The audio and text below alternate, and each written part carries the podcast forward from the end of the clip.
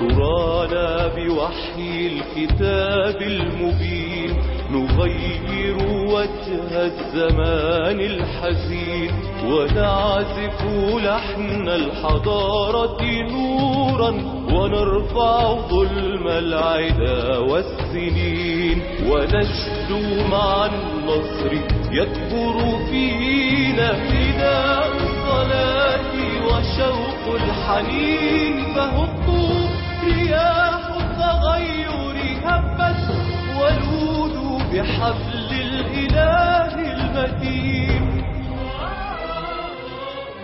كلما زادت المنتجات في جودتها ارتفعت قيمتها وأصبحت حياة البشر أيسر وزادت سبل الرزق وعندها سيزداد تحسن الإنتاج وتستمر هذه الدائرة صعودا بالأمة. وكلما ازدادت المنافسة زادت مهارة العمال وزاد التنافس على أفضلهم وازدهرت الأسواق وتحسن دخل الدولة. وعاش الناس في رفاهية. بسم الله الرحمن الرحيم الحمد لله رب العالمين والصلاة والسلام على سيدنا محمد النبي الكريم وعلى آله وصحبه أجمعين. أرحب بكم مع رياح التغيير. رياح التغيير ليس برنامجا تلفزيونيا بل هو مشروع حضاري للنهضة بالأمة وإعادة حضارة الإسلام من جديد. وكنت أفكر كثيرا ما هو الهدف من الدول. ما هو الهدف الرئيسي للحكومات؟ الهدف الرئيسي للدول والحكومات هو أن يعيش الناس في سعادة أن يحققوا السعادة للناس في الدنيا ويعينوهم على النجاح أيضا في الآخرة. هذا هو هدف الدولة أن يجعلوا الناس يعيشون في رفاهية في سعادة في الدنيا ويعينوهم على النجاح في الآخرة. فيحموا الدين ويحموا الدولة وينهضوا بالدين وينهضوا بالبشر. هذا هو الهدف من كل دولة في العالم. كيف يتحقق هذا؟ كيف يتحقق؟ يتحقق هو بتكامل تكامل عدة جهات. الدولة من جهة الحركات والأحزاب والجماعات من جهة أخرى المنظمات والشركات وجمعيات من جهة ثالثة الأسر والعلاقات الاجتماعية من جانب رابع والإنسان الفرد من جهة خامسة. لا يمكن أن نرمي كل المسألة على الدولة كما لا يمكن أن نقول الفرد هو المسؤول عن هذه المسألة. هو هي عملية متكاملة. هي عملية متكاملة. وفي في المصطلحات الحديثة هي نسميها هي نتائج الفاعلية. نتائج الفاعلية والإيجابية. فإذا الناس عندهم إيجابية ما عندهم تخلف. وإذا الناس فعالين في أداء ما يطلب منهم سواء كانوا بشرا أفرادا أو جماعات أو دول عندما تتحقق الفاعلية وعندما تكون دولنا إيجابية عندها نقضي على التخلف وعندها نكون حققنا الحضارة حققنا النهضة حققنا الرفاهية والسعادة. فإذا دمجنا هذا ضمن منظومة فكرية قيمية تساعد الإنسان على أن ينهض بنفسه لينجح في آخرته نكون أكملنا المعادلة. ابن خلدون رحمه الله تعالى يتحدث هنا عن جزء من هذه المعادلة. يتحدث عن التطور الذي يحدث نتيجة المردود الإيجابي للعمل الإنتاجي. عندما عندما يعمل العمال عندما ينتجون ما هي النتائج الإيجابية التي ستتحقق؟ الذي سيتحقق هو أن الاقتصاد يبدأ يتطور. عندما عندما ينتج الفرد عندما تنتج المنظمات يبدأ الاقتصاد الاقتصاد يتطور. إذا تطور الاقتصاد ماذا سيحدث؟ سيزداد الطلب على الأيدي العاملة. هذه الأيدي العاملة بالمقابل ستحرص هي الأخرى على زيادة مهاراتها حتى تنافس في ظل وجود فرص متكافئة. اذا هناك علاقة واضحة تربط الفاعلية بالتخلف. الفاعلية إنتاجية الفرد التخلف الضعف في التنافس. هذا يؤدي كلما ضعف الفاعلية سيؤدي إلى التخلف. التخلف ماذا سيفعل؟ التخلف يصبح من العوامل المعوقة للفاعلية. وهكذا تبدأ العجلة إما في نزول أو في صعود. الفاعلية ترفع الفاعلية تخفف التخلف. الرقي يزيد من الفاعلية الفاعلية تزيد من الرقي. إما صعودا وإما نزولا.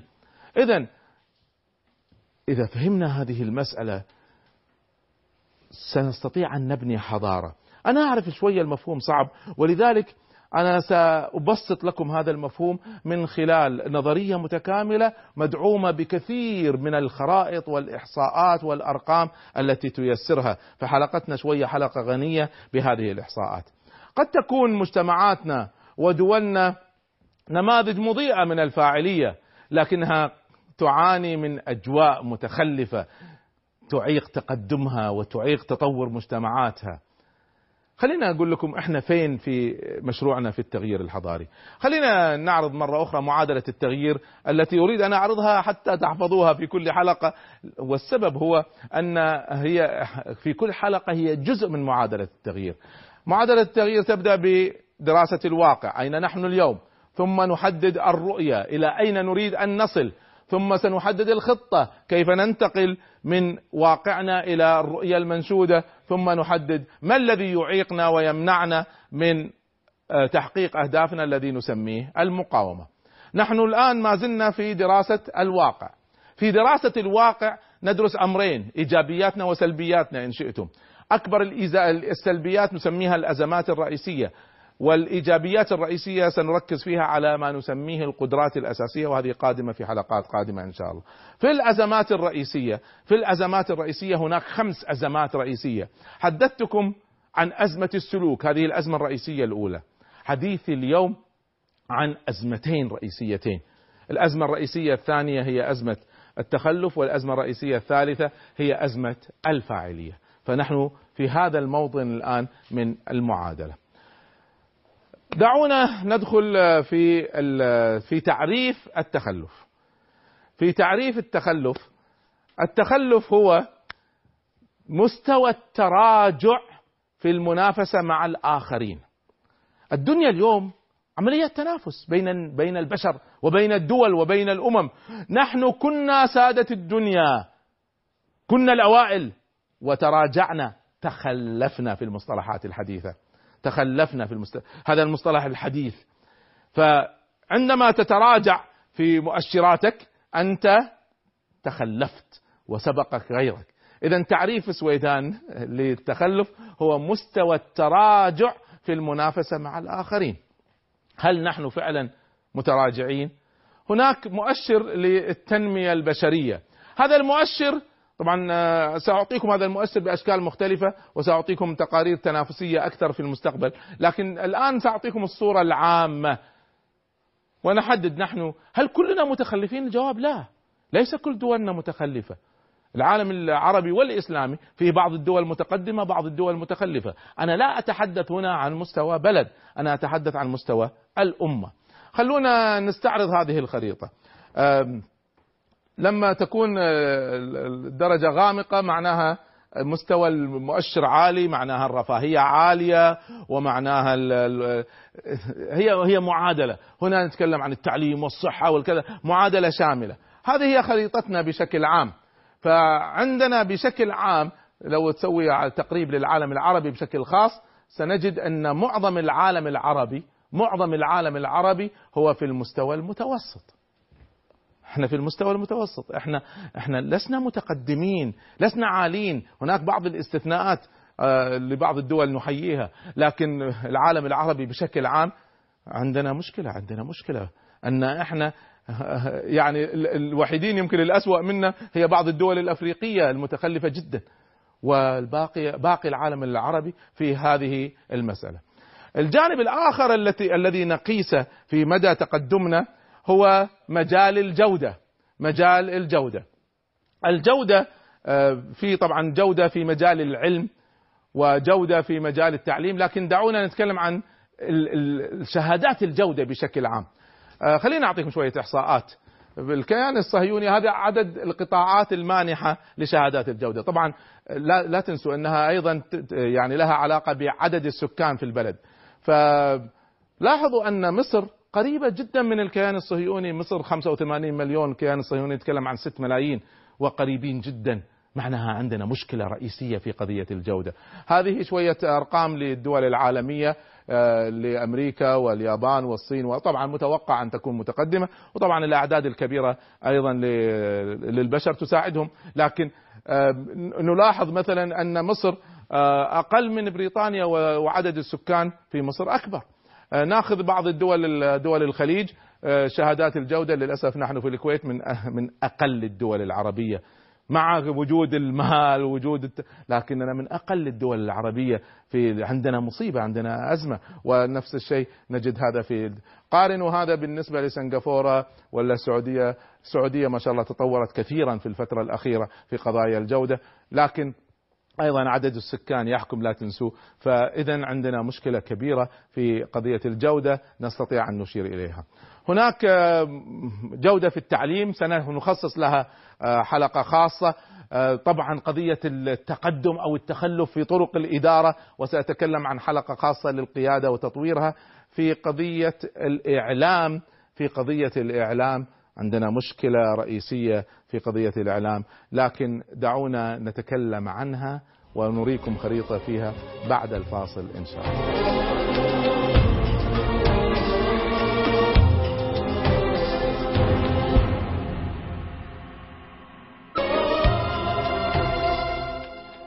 حياكم الله ومرحبا بكم مع رياح التغيير.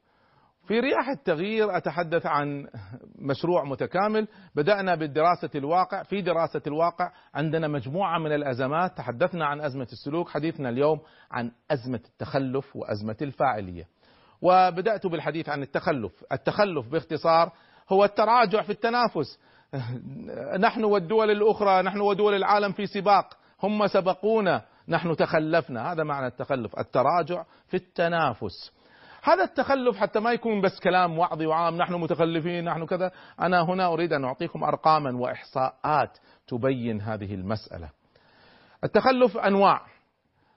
سنتحدث عن التخلف في التعليم في حلقة خاصة هناك حديث بعد قليل عن التخلف في الإدارة في الإعلام. لكن دعوني أبدأ بالتخلف في العلم في العلم.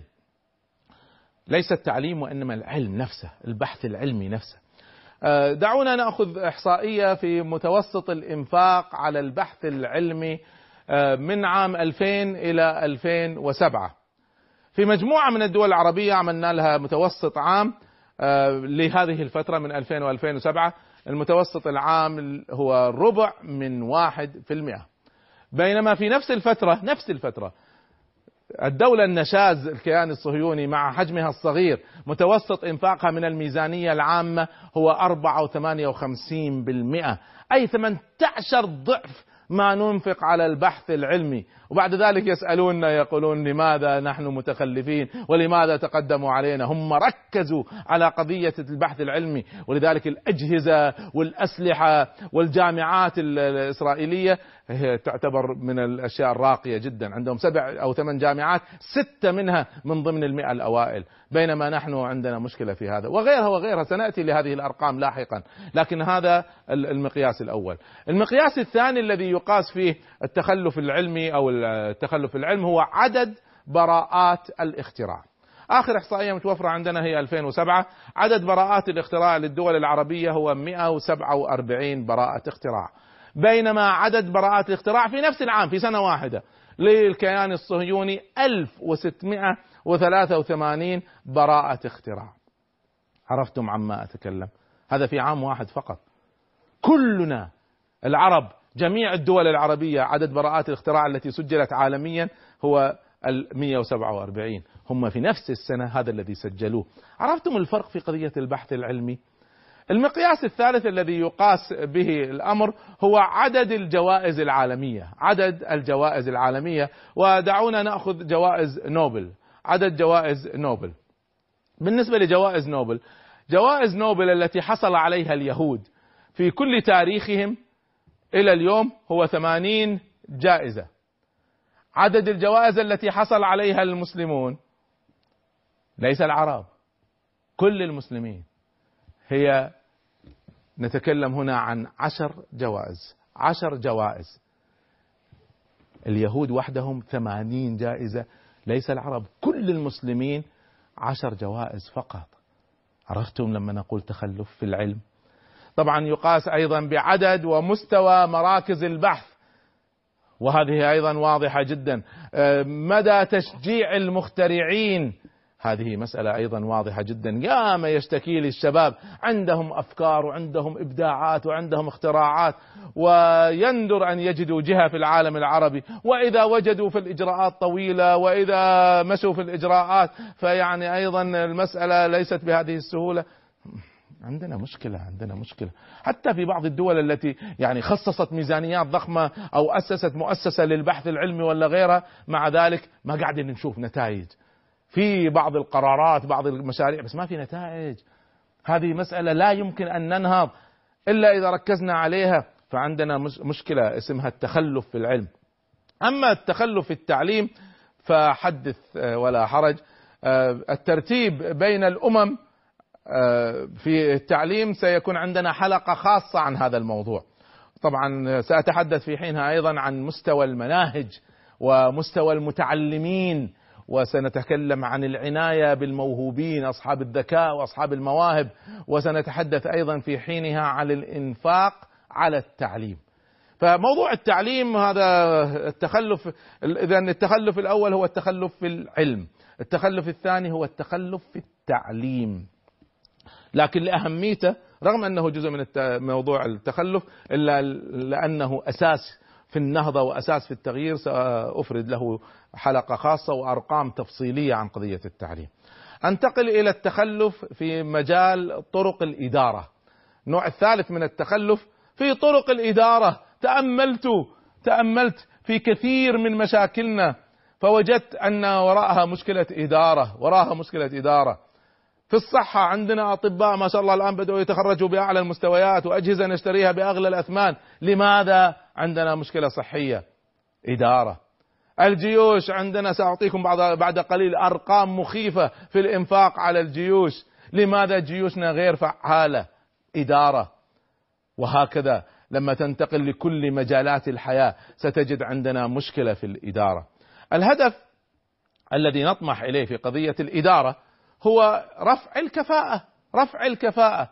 تعريف رفع الكفاءة هو زيادة الإنتاج مع تخفيض الجهد والوقت والتكلفة. خلونا نحفظها؟ رفع الكفاءة هي زيادة الإنتاجية مع تخفيض الجهد والوقت والتكلفة. يعني أنا عندي مصنع أنتج ألف منتج في اليوم. لو استطعت أن أنتج 1200 زادت الإنتاجية إذا ارتفعت الكفاءة. طيب لو قدرت أن أزيد الإنتاجية إلى 1200 وأنا عندي 100 عامل لو قدرت أعملها ب 70 عامل فأنا خفضت الجهد زدت الإنتاج وخفضت الجهد. طيب إذا كنت أعملهم في يوم ثمان ساعات قدرت أعملها في ست ساعات خفضت الوقت. وإذا كان يكلفني الحبة الواحدة تكلفني مية فاستطعت أن أعملها بثمانين خفضت التكلفة. إذا خلونا نحفظ. هدف الإدارة كله الهدف كله هو زيادة الإنتاجية مع تقليل الجهد والوقت والتكلفة. هذا الذي نهدف إليه. لما نملأ وزاراتنا بأعداد ضخمة من الموظفين والمدراء وبعدين ما تتحسن الإنتاجية ما يتحسن وضع الجهد ولا الوقت ولا التكلفة والمواطن يعاني من التأخير والتكاليف المتراكمة. معناها الإدارة عندنا فيها مشكلة في تخلف اسمه تخلف إداري. في التخلف الإداري نستطيع أن نقضي عليه باستعمال ما نسميه طرق الإدارة الفعالة ومنها طرق اتخاذ القرار. هناك طرق لاتخاذ القرار فعالة جديدة.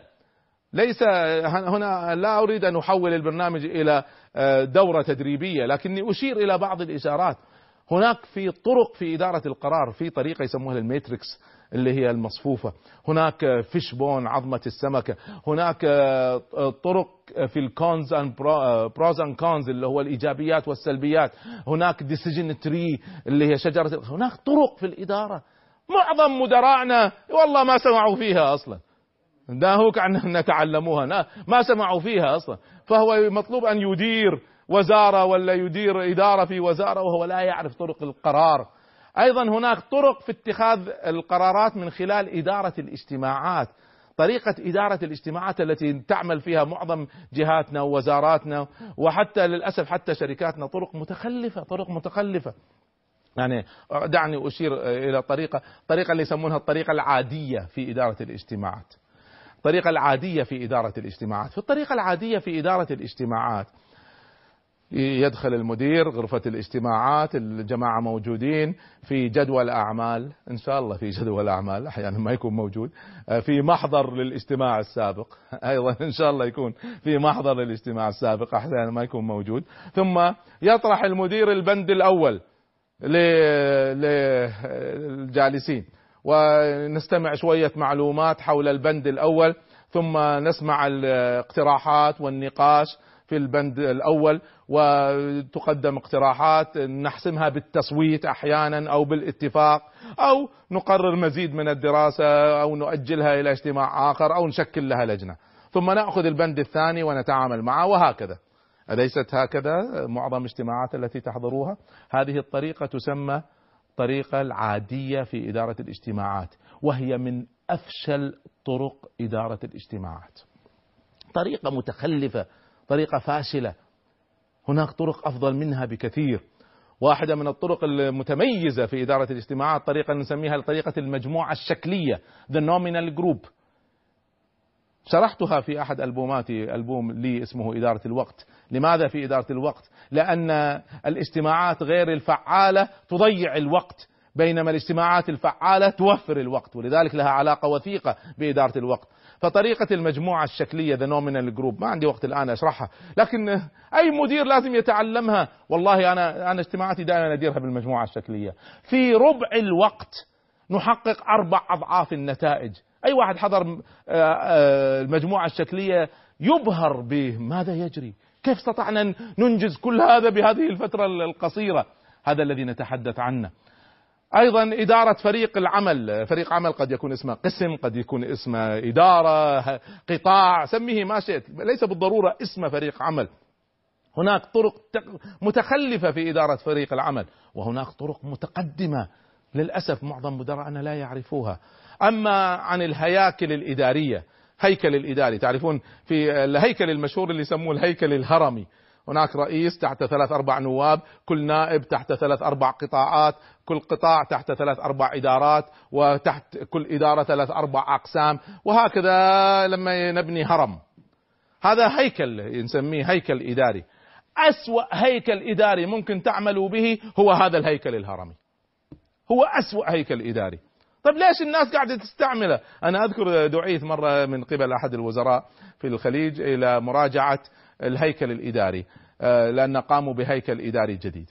فلما قدم لي الهيكل قدم لي الهيكل الإداري الجديد رأيت الهيكل فسألته قلت له العفو لماذا مستعملين الهيكل الهرمي مرة أخرى؟ أنتم ألغيتوا هيكل هرمي وبنيتوا هيكل هرمي بطريقة أخرى بس هيكل هرمي في النهاية.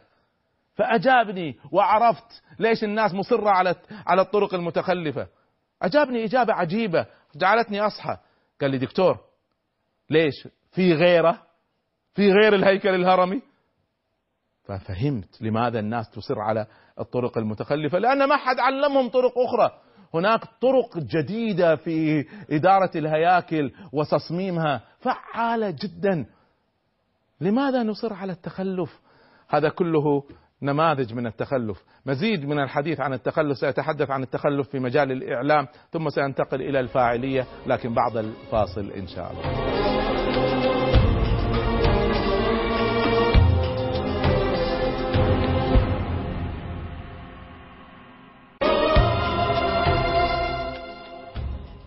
أحييكم وأرحب بكم مرة أخرى مع رياح التغيير.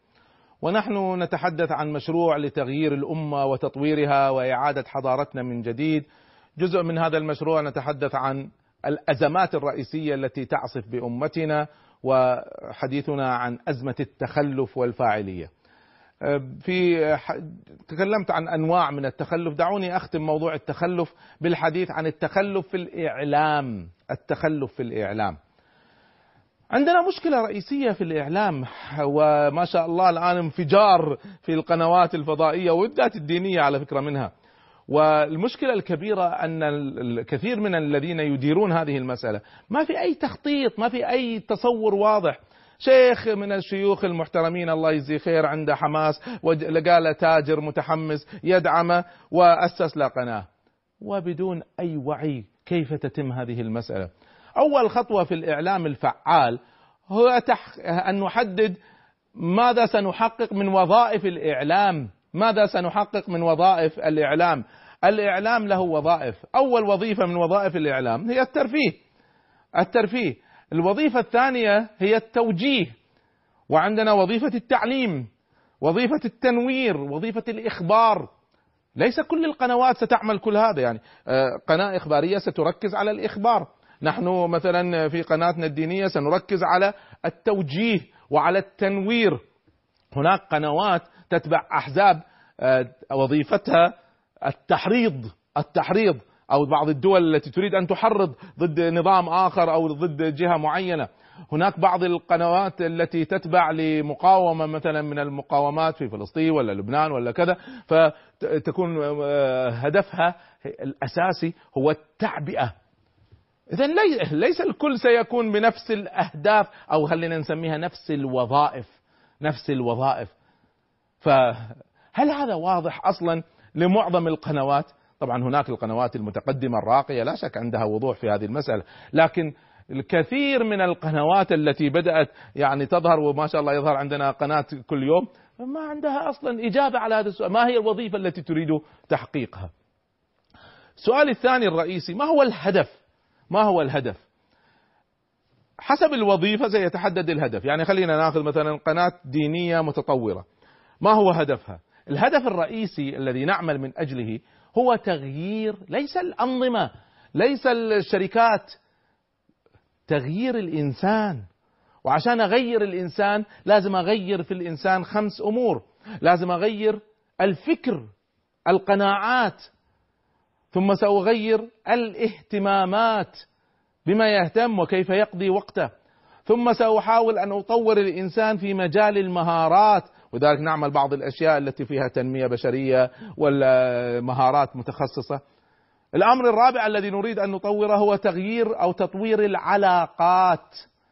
كيف يتعامل مع زوجته؟ كيف يتعامل مع أولاده؟ كيف يختار أصحابه؟ والأمر الخامس الذي نريد أن نغير في الإنسان هو تغيير القدوات. من هم الأمثال العليا الذين يتطلع إليهم ويحرص على أن يكون شبيها لهم في الأقدمين وفي المعاصرين؟ هذه أهداف.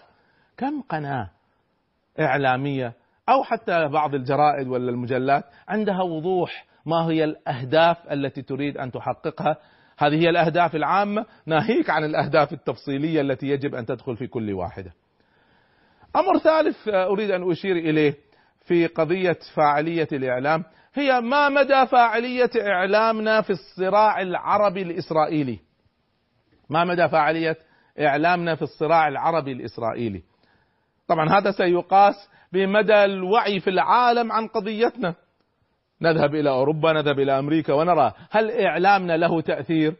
والله أنا أقول لكم شيء معظم إعلامنا يخاطبنا لا يخاطبهم. بينما الإسرائيليين عندهم وضوح في هذه المسألة وتخطيط. أنا أذكر ولا أنسى أني لما كنت في واشنطن وقع مرة في إيدي تقرير إعلامي من السفارة الإسرائيلية موجه إلى رجال الكونغرس بالذات في لجنة الشؤون الخارجية. وقع بإيدي هذا. كان أيامها في حرب الخليج. والتقرير كان كالتالي لماذا يجب على أمريكا أن تشن حرب على العراق؟ ما في كلام كثير ولا في دردشة ولا في سرد وإنما ثلاثين نقطة كل نقطة سطر. هذه تعطى لرجل الكونغرس الذي سيستعملها في خطابات العامة والإعلامية ونقاشاته في الكونغرس وغيره. إعلام فعال ومحدد إحنا نبي نحكي ونحكي ونحكي وزين وعواطف وإحنا وكذا ومظلومين و... هذا ليس هذا واضحة ليس فيها أي فاعلية في الإعلام. أيضا عندنا مشكلة في فاعلية إعلامنا حتى الإسلامي الموجه للغرب. ناهيك عن الإعلام السياسي وغيره، يعني أنا الآن أتحدى خذوا معظم الجهود التي تتكلم عن إعجاز القرآن العلمي. طيب هذا الإعجاز العلمي موجه للمسلمين ولا موجه لغير المسلمين؟ المسلمين مؤمنين والحمد لله ويؤمنوا بالقرآن وإعجاز القرآن والإعجاز العلمي الهدف منا أن نقول للعالم يا عالم نحن عندنا في قرآننا أمور هي أنتم وصلتم إليها الآن موجودة وهذا يدل على أنها كلاهما من عند الله العلم والدين وأن هذا قرآن خالد طيب سؤال إذا كان هذا هو الهدف. لماذا معظم الأبحاث في قضية الإعجاز العلمي هي باللغة العربية؟ ونادر جدا أن تكون بلغة أجنبية. إذا الخطاب موجه لمن؟ موجه لمن؟ عندنا مشكلة خامسة وهي مدى معرفة الغرب بالإسلام نفسه. في أمريكا إحصائية التي عندي أخيرا في أمريكا عدد الذين سمعوا عن الإسلام من مسلم أو من جهة إسلامية لا يزيد عن عشرة بالمئة. عشرة بالمئة فقط سمعوا عن الإسلام من مسلمين. تسعين بالمئة معلوماتهم عن الإسلام من غير المسلمين ماذا تتوقعوا؟ واثنين بالمئة فقط سمعوا عن الإسلام بطريقة صحيحة. عرفتم تقصيرنا في الدعوة إلى الله عز وجل؟ أين إعلامنا؟ أين قنوات الإنجليزية الم... التي آه... التي موجهة لطرح الإسلام للغرب؟ طبعا في النهاية النتيجة النهائية ما مدى تحقيق المعادلة الإعلامية الصعبة وهي ترفيه عالي مع قيم عالية؟ هذا هو الهدف. الإعلام جزء رئيسي منه ترفيه وليس تدريس وليس تعليم هو هو ترفيه لكن معه قيم. أنا عملت لكم الرسمة هذه انظروها معي. عندنا مؤشرين. مؤشر الترفيه مؤشر الرأسي ومؤشر القيم مؤشر الأفقي. كلما اتجهنا نحو اليمين فالقيم أعلى كلما اتجهنا إلى اليسار فالقيم أقل. وكلما صعدنا إلى الأعلى فالترفيه أعلى وكلما نزلنا فالترفيه أقل. تنقسم قنواتنا إلى ثلاث أقسام. القسم الأحمر معناه القيم ضعيفة طبعا بعضها وسط لكن معظمها ضعيفة. والترفيه أيضا ضعيف. معظم معظم القنوات الحكومية تقع في هذه الدائرة. لا ترفيه ولا قيم. قنوات بايخة وما فيها قيم. معظم القنوات تقع في هذا. الصرف الحكومي هذا كل ما قيمته لما تكون بهذه الصورة. النوع الثاني هو في المنطقة الخضراء. في المنطقة الخضراء. إذا اتجهنا في يسار المنطقة الخضراء معناها الترفيه عالي لكن القيم منخفضة. هنا تأتي بعض القنوات التي تنشر الفساد والتي مهتمة فقط يعني بالفلوس ما عندها أي اهتمام بالقيم وأحيانا تتجاوز حتى الخطوط الحمراء لأمتنا وقيمها حتى الخطوط الحمراء للمجتمع ده الذي نعيش فيه ناهيكم عن عن الإسلام نفسه. وللأسف عندنا عدد كبير من القنوات في منطقة الخضراء جهة اليسار. هناك مجموعة من القنوات في منطقة الوسط. ترفيه وسط وقيم وسط. وتأتي القنوات الإسلامية بشكل عام قيم عالية لكن ترفيه ضعيف. ترفيه ضعيف. ومعظم القنوات الإسلامية حتى المتميزة منها هي في الجانب الأيسر من المنطقة الخضراء. قيم عالية لكن الترفيه ضعيف. المنطقة الزرقاء هذه هذه المنطقة التي فيها ترفيه عالي وقيم عالية. هنا أتكلم عن القنوات الفضائية ما أتكلم عن الإنتاج أتكلم عن القنوات. تقريبا لا يوجد أحد في هذه المنطقة. هناك محاولة من قناة مباركة هي فور شباب حاولوا أن يجمعوا لكن ما زال أمامهم مشوار طويل لكن نحييهم على محاولتهم هذه. لكن غيرها تقريبا ما في شيء. قيم عالية مع ترفيه عالي ما في شيء. فإذا عندنا مشكلة رئيسية في قضية الإعلام. أنا أتمنى أن هذا الحديث يتحول إلى مشروع. شبابي مشروع من بعض التجار. دعونا نعمل قناة فضائية تحمل ترفيه عالي وقيم عالية. فهذا حديثي عن التخلف ولعله يتحول إن شاء الله إلى مشاريع. دعوني أنتقل إلى تع... إلى الفاعلية. نحن حلقتنا عن عن التخلف وعن الفاعلية. دعونا نتكلم شوية عن الفاعلية. ما هو تعريف الفاعلية؟ تعريف الفاعلية. تعريف الفاعلية هو درجة الإنتاجية بالمقارنة مع المنافسين. درجة الإنتاجية بالمقارنة مع منافسين. ناخذ عامل عربي ونحط مقابله عامل ياباني أو أمريكي. كم ينتج هذا في اليوم كم ينتج هذا في اليوم. وطبعا ستختلف من القطاع الحكومي إلى القطاع الخاص. فنقارن القطاع الحكومي بالقطاع الحكومي والخاص بالخاص.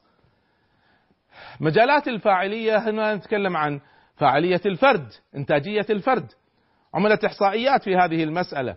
أنا كنت مرة في احدى دوراتي المؤخرة أتكلم عن إنتاجية الموظف الحكومي في منطقة الخليج. وإذا هي ربع ساعة في اليوم. إنتاجية الموظف الحكومي في القطاع في القطاع الحكومي موظف ربع ساعة في اليوم. طبعا هذا الوضع سامحوني على الجرأة لكن هذه أرقام. هذا أحسن من الموظف في القطاع الحكومي في مصر حيث إنتاجية الموظف خمس دقائق في اليوم. في واحدة من أكبر شركات البترول في العالم العربي في واحدة من أكبر شركات البترول لما كنت أقدم الدورة فتكلمت عنها فواحد من مدراء الشركة موجود. فقال لي دكتور إحنا عملنا إحصائية عن شركتنا وهي من أرقى الشركات في العالم العربي. تعرف كم الإنتاجية عندنا؟ قلت له كم؟ هذا في القطاع الخاص في قطاع بترول اللي هو مفروض من أرقى القطاعات في الإنتاجية. في تلك الشركة إنتاجية 45 دقيقة في اليوم. الإنتاجية اليوم على فكرة في العالم رقم واحد هو العامل الأمريكي مرة أخرى. كان الياباني في السنة الأخيرة انتقلت الياباني صار الثاني والأمريكي رجع هو الأول. خلونا نشتغل صح يا جماعة. ما يمكن ما يمكن تنهض أمة والموظفين يتسللون لواذا ويعملون أعمالهم الخاصة وهم في العمل. الذي اسمعوا مني أي موظف يتسلل من العمل يتهرب من العمل يتأخر عن العمل عمدا ولا لأي قضايا خاصة فهو حرامي. حرامي.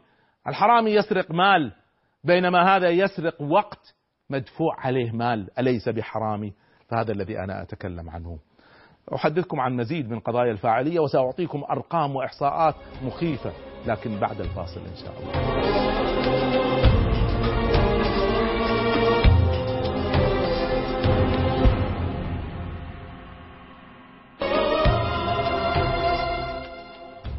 أهلا وسهلا بكم مرة أخرى مع رياح التغيير. وحديثنا عن الأزمات الرئيسية التي تعصف بالأمة حلقتنا هذه عن التخلف والفاعلية. تحدثت عن التخلف وبدأت بالحديث عن الفاعلية، الفاعلية هي درجة الإنتاجية بالمقارنة مع المنافسين. فتكلمت عن فاعلية الفرد. أجزاء الفاعلية هي فاعلية الفرد، فاعلية الأسرة، رقم ثلاثة فاعلية المنظمات وبعدين فاعلية الدول وسأتحدث أيضا عن فاعلية الحركات. في فاعلية الفرد تحدثنا عن درجة إنتاجية الفرد المسلم بالمقارنة مع باقي العالم وبينت أن إحنا عندنا للأسف كارثة. إذا كان الفرد غير منتج كيف سننهض؟ وذلك الله بالله عليكم. كل واحد يراجع نفسه. هل يتقن عمله؟ هل يتقي الله في وقت العمل؟ والله أعجبني. واحد من الشباب زرته في إحدى الشركات عندنا هنا في الكويت. فكان زرته مع نهاية الدوام. كان عندي يعني عملية شغل معه يعني متعلق بشركتهم. فانتهى الدوام. فقلت له سامحني أنا مضطر أني أخرق قليلا يعني صعبة أني أرجع مرة أخرى. قال لا دكتور أنا يوميا أجلس ساعتين زيادة فوق الدوام. فتعجبت. هذه مسألة نادرة غير مألوفة. قلت له ليش يا كان شاب بعمر ابني. قلت له ليش يا ابني قاعد تقعد ساعتين كل يوم. قال دكتور أخشى أني خلال الدوام أكون ما اشتغلت ولا أكون تكلمت بالتليفون في قضية شخصية ولا يعني فهذا ليس وقتي هذا وقت الدوام. فيعني جعلني هذا أني كل يوم قررت أني أضيف ساعتين عشان لا سمح الله لو كنت ما اشتغلت صح أعوضها بهالساعتين فأكون فلوسي كلها حلال. يا الله كم أعجبني هذا الشاب. وذكرني بعمر بن عبد العزيز رحمه الله تعالى. عمر بن عبد العزيز كان جالس في ليلة من الليالي مع واحد من ولاته فجالسين يتحدثوا في أمر الدولة. فلما انتهوا في الحديث في أمر الدولة بدأ هذا الوالي يتكلم في قضايا شخصية. فقال له عمر بن عبد العزيز انتظر. ثم قام عمر رحمه الله تعالى وأطفأ مصباح زيت وأشعل مصباح زيت آخر. ثم جلس. فاستغرب الوالي. قال له بس هذا اللي أطفأته ما زال فيه زيت. قال له نعم. قال له ليش أطفأته وأشعلت الآخر؟ قال له هذا المصباح مصباح الدولة وهذا مصباحي أنا الشخصي. فلما كنا نتكلم في قضايا الدولة أستعمل مصباح الدولة. لما بديت حضرتك تتكلم في قضايا شخصية أطفأت هذا و... يا هذا وين اللي قاعد يسرقوا المليارات؟ أين هم من هذا؟ فقال له الرجل تكملة القصة لأنها لطيفة أيضا. قال له يعني لو قلت لي كنت أنا كفيتك أنا يعني أنت الأمير أنا أقوم أعملها مكانك. فقال كلمة عجيبة. قال قمت وأنا عمر وجلست وأنا عمر. آه لن يضرني هذا الشيء. في ناس تهتم بأن تكون فعالة ولا تأخذ شيء ولو بسيط ليس من حقها. وفي بعض الناس تتساهل في هذا وهو حرام. سرقة الوقت هذه حرام. لأنك تسرق وقت مقابل مال فهذا بالنسبة لي كالحرامي. على كل حال. النوع الثاني من الفاعلية هي فاعلية الأسرة. الأسرة. الأسرة ممكن تعمل كأفراد متفرقين والأسرة ممكن تعمل أيضا كمجموعة متماسكة كوحدة جماعية. فكثير من أسرنا اليوم فيها أفراد فعالين لكن كأسرة ككيان. مفروض الأسرة تبدأ تدعم بعضها وتشجع ليس فقط تشجيع يعني معنوي وإنما أيضا بتشجيع مادي وتشجيع التعاوني ووضع أهداف جماعية وغيرها. وهذا موضوع كبير لعل له إن شاء الله لقاء خاص. فاعلية المنظمات فاعلية المنظمات هي النوع الخامس من أنواع الفاعلية مدى تكامل المؤسسية في المنظمات. مدى تكامل المؤسسية في المنظمات. هذه القضية المؤسسية هذه قضية أيضا خطيرة سأرجع لها بعد قليل. دعونا نبدأ بفعالية الدول. في فعالية الدول سأعطيكم تفاصيل ترتيب كل دولة من الدول العربية التي عندنا إحصاءات عنها في كل مجال من مجالات الحياة في التعليم في الصحة في كذا وأيضا الترتيب العام. لكن لخطورة هذه المسألة ترتيب دولنا في التنافس العالمي سنفرد لها حلقات خاصة إن شاء الله. فهذا بالنسبة لفعالية دولنا في التنافس العالمي. سيكون لها حلقات خاصة. لكني أشير هنا إلى بعض الأمور الأخرى. دعوني أنتقل إلى خارطة تعبر عن وضعنا السياسي. هذه خرائط عالمية هذه ليست من تصميمي. هذه خرائط عالمية. دعوني أول شيء أعطيكم المفتاح. الدول الذي بهذا اللون نتكلم عن ديمقراطية كاملة حقيقية. إحنا عندنا على فكرة كثير من الأشكال الديمقراطية شكلية يعني. النوع الثاني هنا نتكلم عن الديمقراطيات الشكلية اللي هي إما يسمونها ديمقراطية ضعيفة أو ديمقراطية انتقالية. إذا كان حزب واحد يحكم حتى لو جمل نفسه بشوية أشكال ديمقراطية فنتكلم عن هذا اللون. لكن في الحقيقة حكم, حكم الحزب الواحد.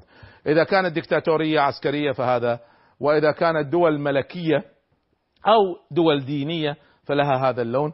إذا كانت منطقة اضطرابات غير مستقرة وبالتالي ليس لها نظام سياسي واضح فستعطى هذا اللون. وهناك مناطق لم تحسم أمورها تابعة لهذه الدولة أو هذه فلها هذا اللون. في عام 2009 هذه الإحصائية 2009 الآن الحمد لله 2011 ستغير المعايير بالنسبة للعالم العربي. لكن إلى 2009 هذه هي الأوضاع عندنا. دعونا نبدأ بالدول الديمقراطية.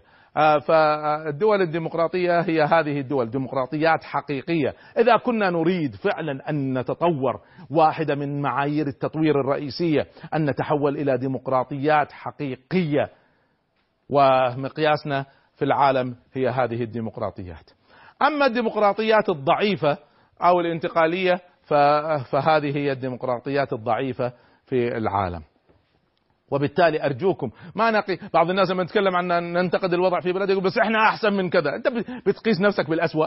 قيس نفسك بالأحسن قيس, قيس نفسك بالأفضل. أما حكم الواحد حزب الواحد فهم ينتقلوا إلى هذه الدول التي فيها حكم الحزب الواحد. أما الدول الدكتاتورية العسكرية نعم الدكتاتورية العسكرية فأيضا نراها في هذه الخريطة. ننتقل إلى الدول الملكية أو الدينية فعندنا هذه الدول هي الدول الملكية أو الدينية. طبعا عندنا مجموعة من المناطق اللي نسميها مناطق اضطرابات وهناك أيضا مناطق آه، حتى الآن لم تحسم أمورها غير مستقلة حتى الآن. آه، هذه هي الخريطة العامة دعونا نقرب للعالم العربي ونشوف وضعنا بالنسبة للعالم العربي. فهذا هو وضعنا بالعالم العربي. تعتبر الجزائر هي الدولة الأقرب للديمقراطية الحقيقية في العالم العربي. طبعا ما زال تحتاج تطور نفسها لكن الباقي الحمد لله يعني الآن عندنا تغييرات بسبب 2011 المفروض تغير الألوان لكن هذه هي إحصائية حتى 2009 طيب آه، فعالية الدول ما زلنا في فعالية الدول. دعونا ننتقل إلى خريطة أخرى تبين أو إحصائية تبين مدى فاعليتنا كم واحدة من الأمور التي تقاس بها الفاعلية كم نصرف على السلاح؟ والسؤال الرئيسي إن هذا السلاح هل فعلا استخدم ضد ضد أعدائنا؟ ولا للأسف في الدول الدكتاتورية عندنا يستخدم في قمع الشعب. كم نصرف على السلاح. دعونا نأخذ هذه الخريطة. هنا نتكلم عن المليار. نتكلم كم مليار دولار يصرف على السلاح. المليار أو البليون نفس المصطلح هو ألف مليون دولار. فالبليون أو المليار نفس الشيء ألف مليون. الكيان الصهيوني يصرف أربع مليارات. هذا في أربع سنوات من 2004 إلى 2007 كوريا الجنوبية أربع مليارات.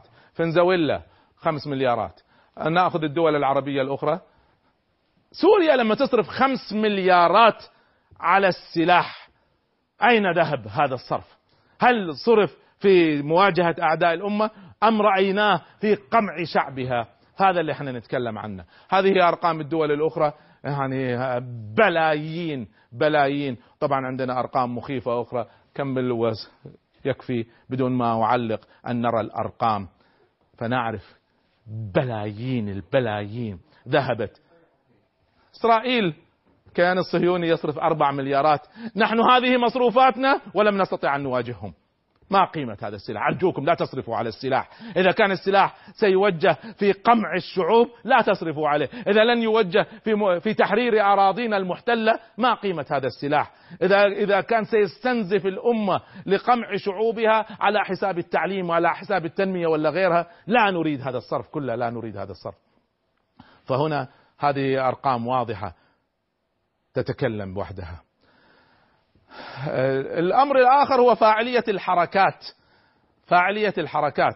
طبعا الفاعلية الحركات تتكلم عن مستوى التكامل المؤسسي. التكامل المؤسسي. وأنا واحد من كتبي الأخيرة هي المؤسسية. يعطيكم مقياس لكل حركة لكل جمع جمعية شركة إلى آخرة. كم آه، ما هي المعايير؟ عندي 120 معيار. إذا سويتها مقسمة على 12 مجال فستعرف هل مؤسستك أو حركتك أو شركتك فعالة ولا لا؟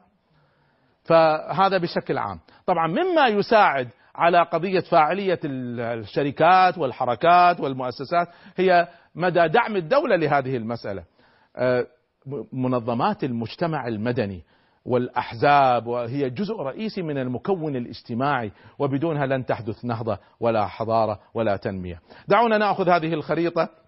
اللي تتكلم عن حظر حرية التجمع. هذا طبعا في عام 2007 بعض الدول تغيرت الآن لكن هذه آخر إحصائية متوفرة عالميا 2007 الأحمر معناها حظر متشدد والألوان الأخرى أمامكم والأخيرة طبعا لا يوجد فيها بيانات. خلونا نبدأ بالأخضر خلينا نبدأ بالحظر الخفيف. هذه الدول اللي في العالم التي الحظر فيها خفي. الناس تستطيع أن تتجمع وتستطيع أن تتحاور بدون رقابة بدون سلطة بدون استئذان من الدولة. هكذا تنمو المجتمعات هكذا ننشئ حضارة. آه ناخذ اللون الآخر. آه فهنا دخلنا في الحظر الخفيف ثم ننتقل إلى الألوان الأخرى. خلونا عشان الوقت نأخذ كل الألوان. شوفوا العالم العربي. ويقولون لماذا لا نتطور؟ هذا وضعنا في العالم العربي. قليل جدا من الدول اللي فيها اللون الأزرق حتى اللي هو اللون الوسط والباقي نتكلم عن الأحمر. فيعني ما كيف سيتشارك الشعوب في نهضة وسيتشارك الحركات والمجتمع المدني في النهضة والحضارة وهم أصلا حتى يتجمعوا ممنوع. فهذا هو الوضع اللي إحنا نتكلم عنه. ما يمكن ما يمكن تحدث نهضة بالدولة وحدها والحكومة وحدها. لابد أن تشارك الشعوب وإلى أن تتغير هذه الألوان. لن تشارك الشعوب.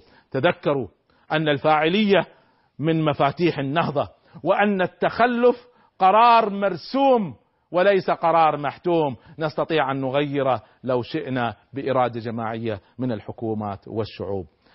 في الحلقة القادمة بإذن الله أحدثكم عن أزمة أخطر وهي أزمة القيادة. إلى أن نلتقي في ذلك الحين أستودعكم الله والسلام عليكم ورحمة الله وبركاته. ترانا بوحي الكتاب المبين نغير وجه الزمان الحزين ونعزف لحن الحضارة نورا ونرفع ظلم العدا والسنين ونشدو مع النصر يكبر فينا فداء الصلاة وشوق الحنين فهبوا رياح التغير هبت ولودوا بحبل الإله المتين